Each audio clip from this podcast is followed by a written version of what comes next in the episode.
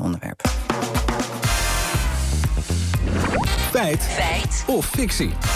Met vandaag Lieke, een woedend Israël. Ja, het land heeft geen goed woord over voor de baas van de Verenigde Naties, Antonio Guterres.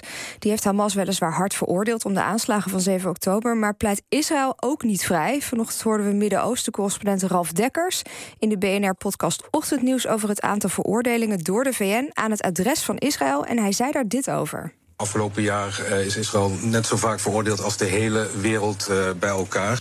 Dat zijn we dus gaan checken. Ja, klopt. We vroegen diplomatiedeskundige en VN-kenner Robert van der Roer of die uitspraak klopt. Het sentiment van deze bewering klopt. Het zijn er zelfs nog iets meer tegen Israël. Vorig jaar, volgens de pro-Israëlische website UN Watch Database, 15 resoluties in de algemene vergadering tegen Israël en 13 tegen andere landen. En dat zijn resoluties in alle soorten en maten, variërend van veroordelingen tot aansporingen, aanmaningen. Maar ze geven wel aan dat Israël geïsoleerd staat en niet op de sympathie van de wereldgemeenschap kan rekenen. Hij vertelt van welke landen Israël wel steun krijgt. Die resoluties worden dan vaak tegengestemd door Amerika en de Marshall-eilanden en Canada en nog een klein groepje landen. Maar de overgrote meerderheid stemt wel mee met deze resoluties tegen Israël. Ik denk dat Nederland vaak meeloopt in het uh, spoor van de Europese Unie. En ook kijkt naar wat andere landen daarin doen en niet afwijkt van dat traject. Oké, de meerderheid keert zich dus toch vaak tegen Israël.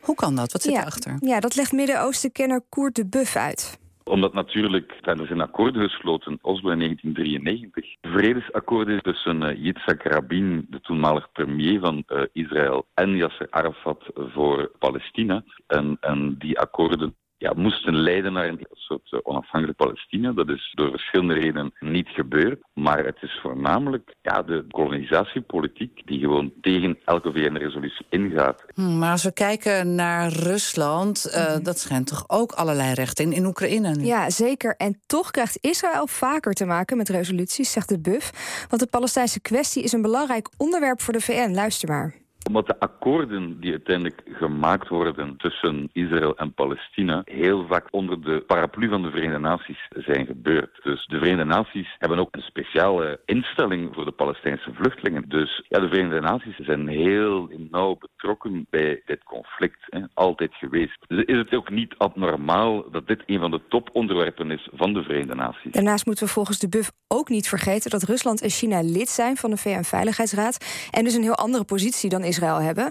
Zij kunnen namelijk een veto uitspreken over zaken waarbij er over hen gestemd wordt. Oké, gaan we terug naar Israël, want dat heeft uit boosheid uh, VN-gezanten het land uitgestuurd. Ja, gaat dat nog goed komen tussen de VN en Israël? Ja, Midden-Oosten kennen de buffer verwacht niet dat dat op korte termijn gaat gebeuren.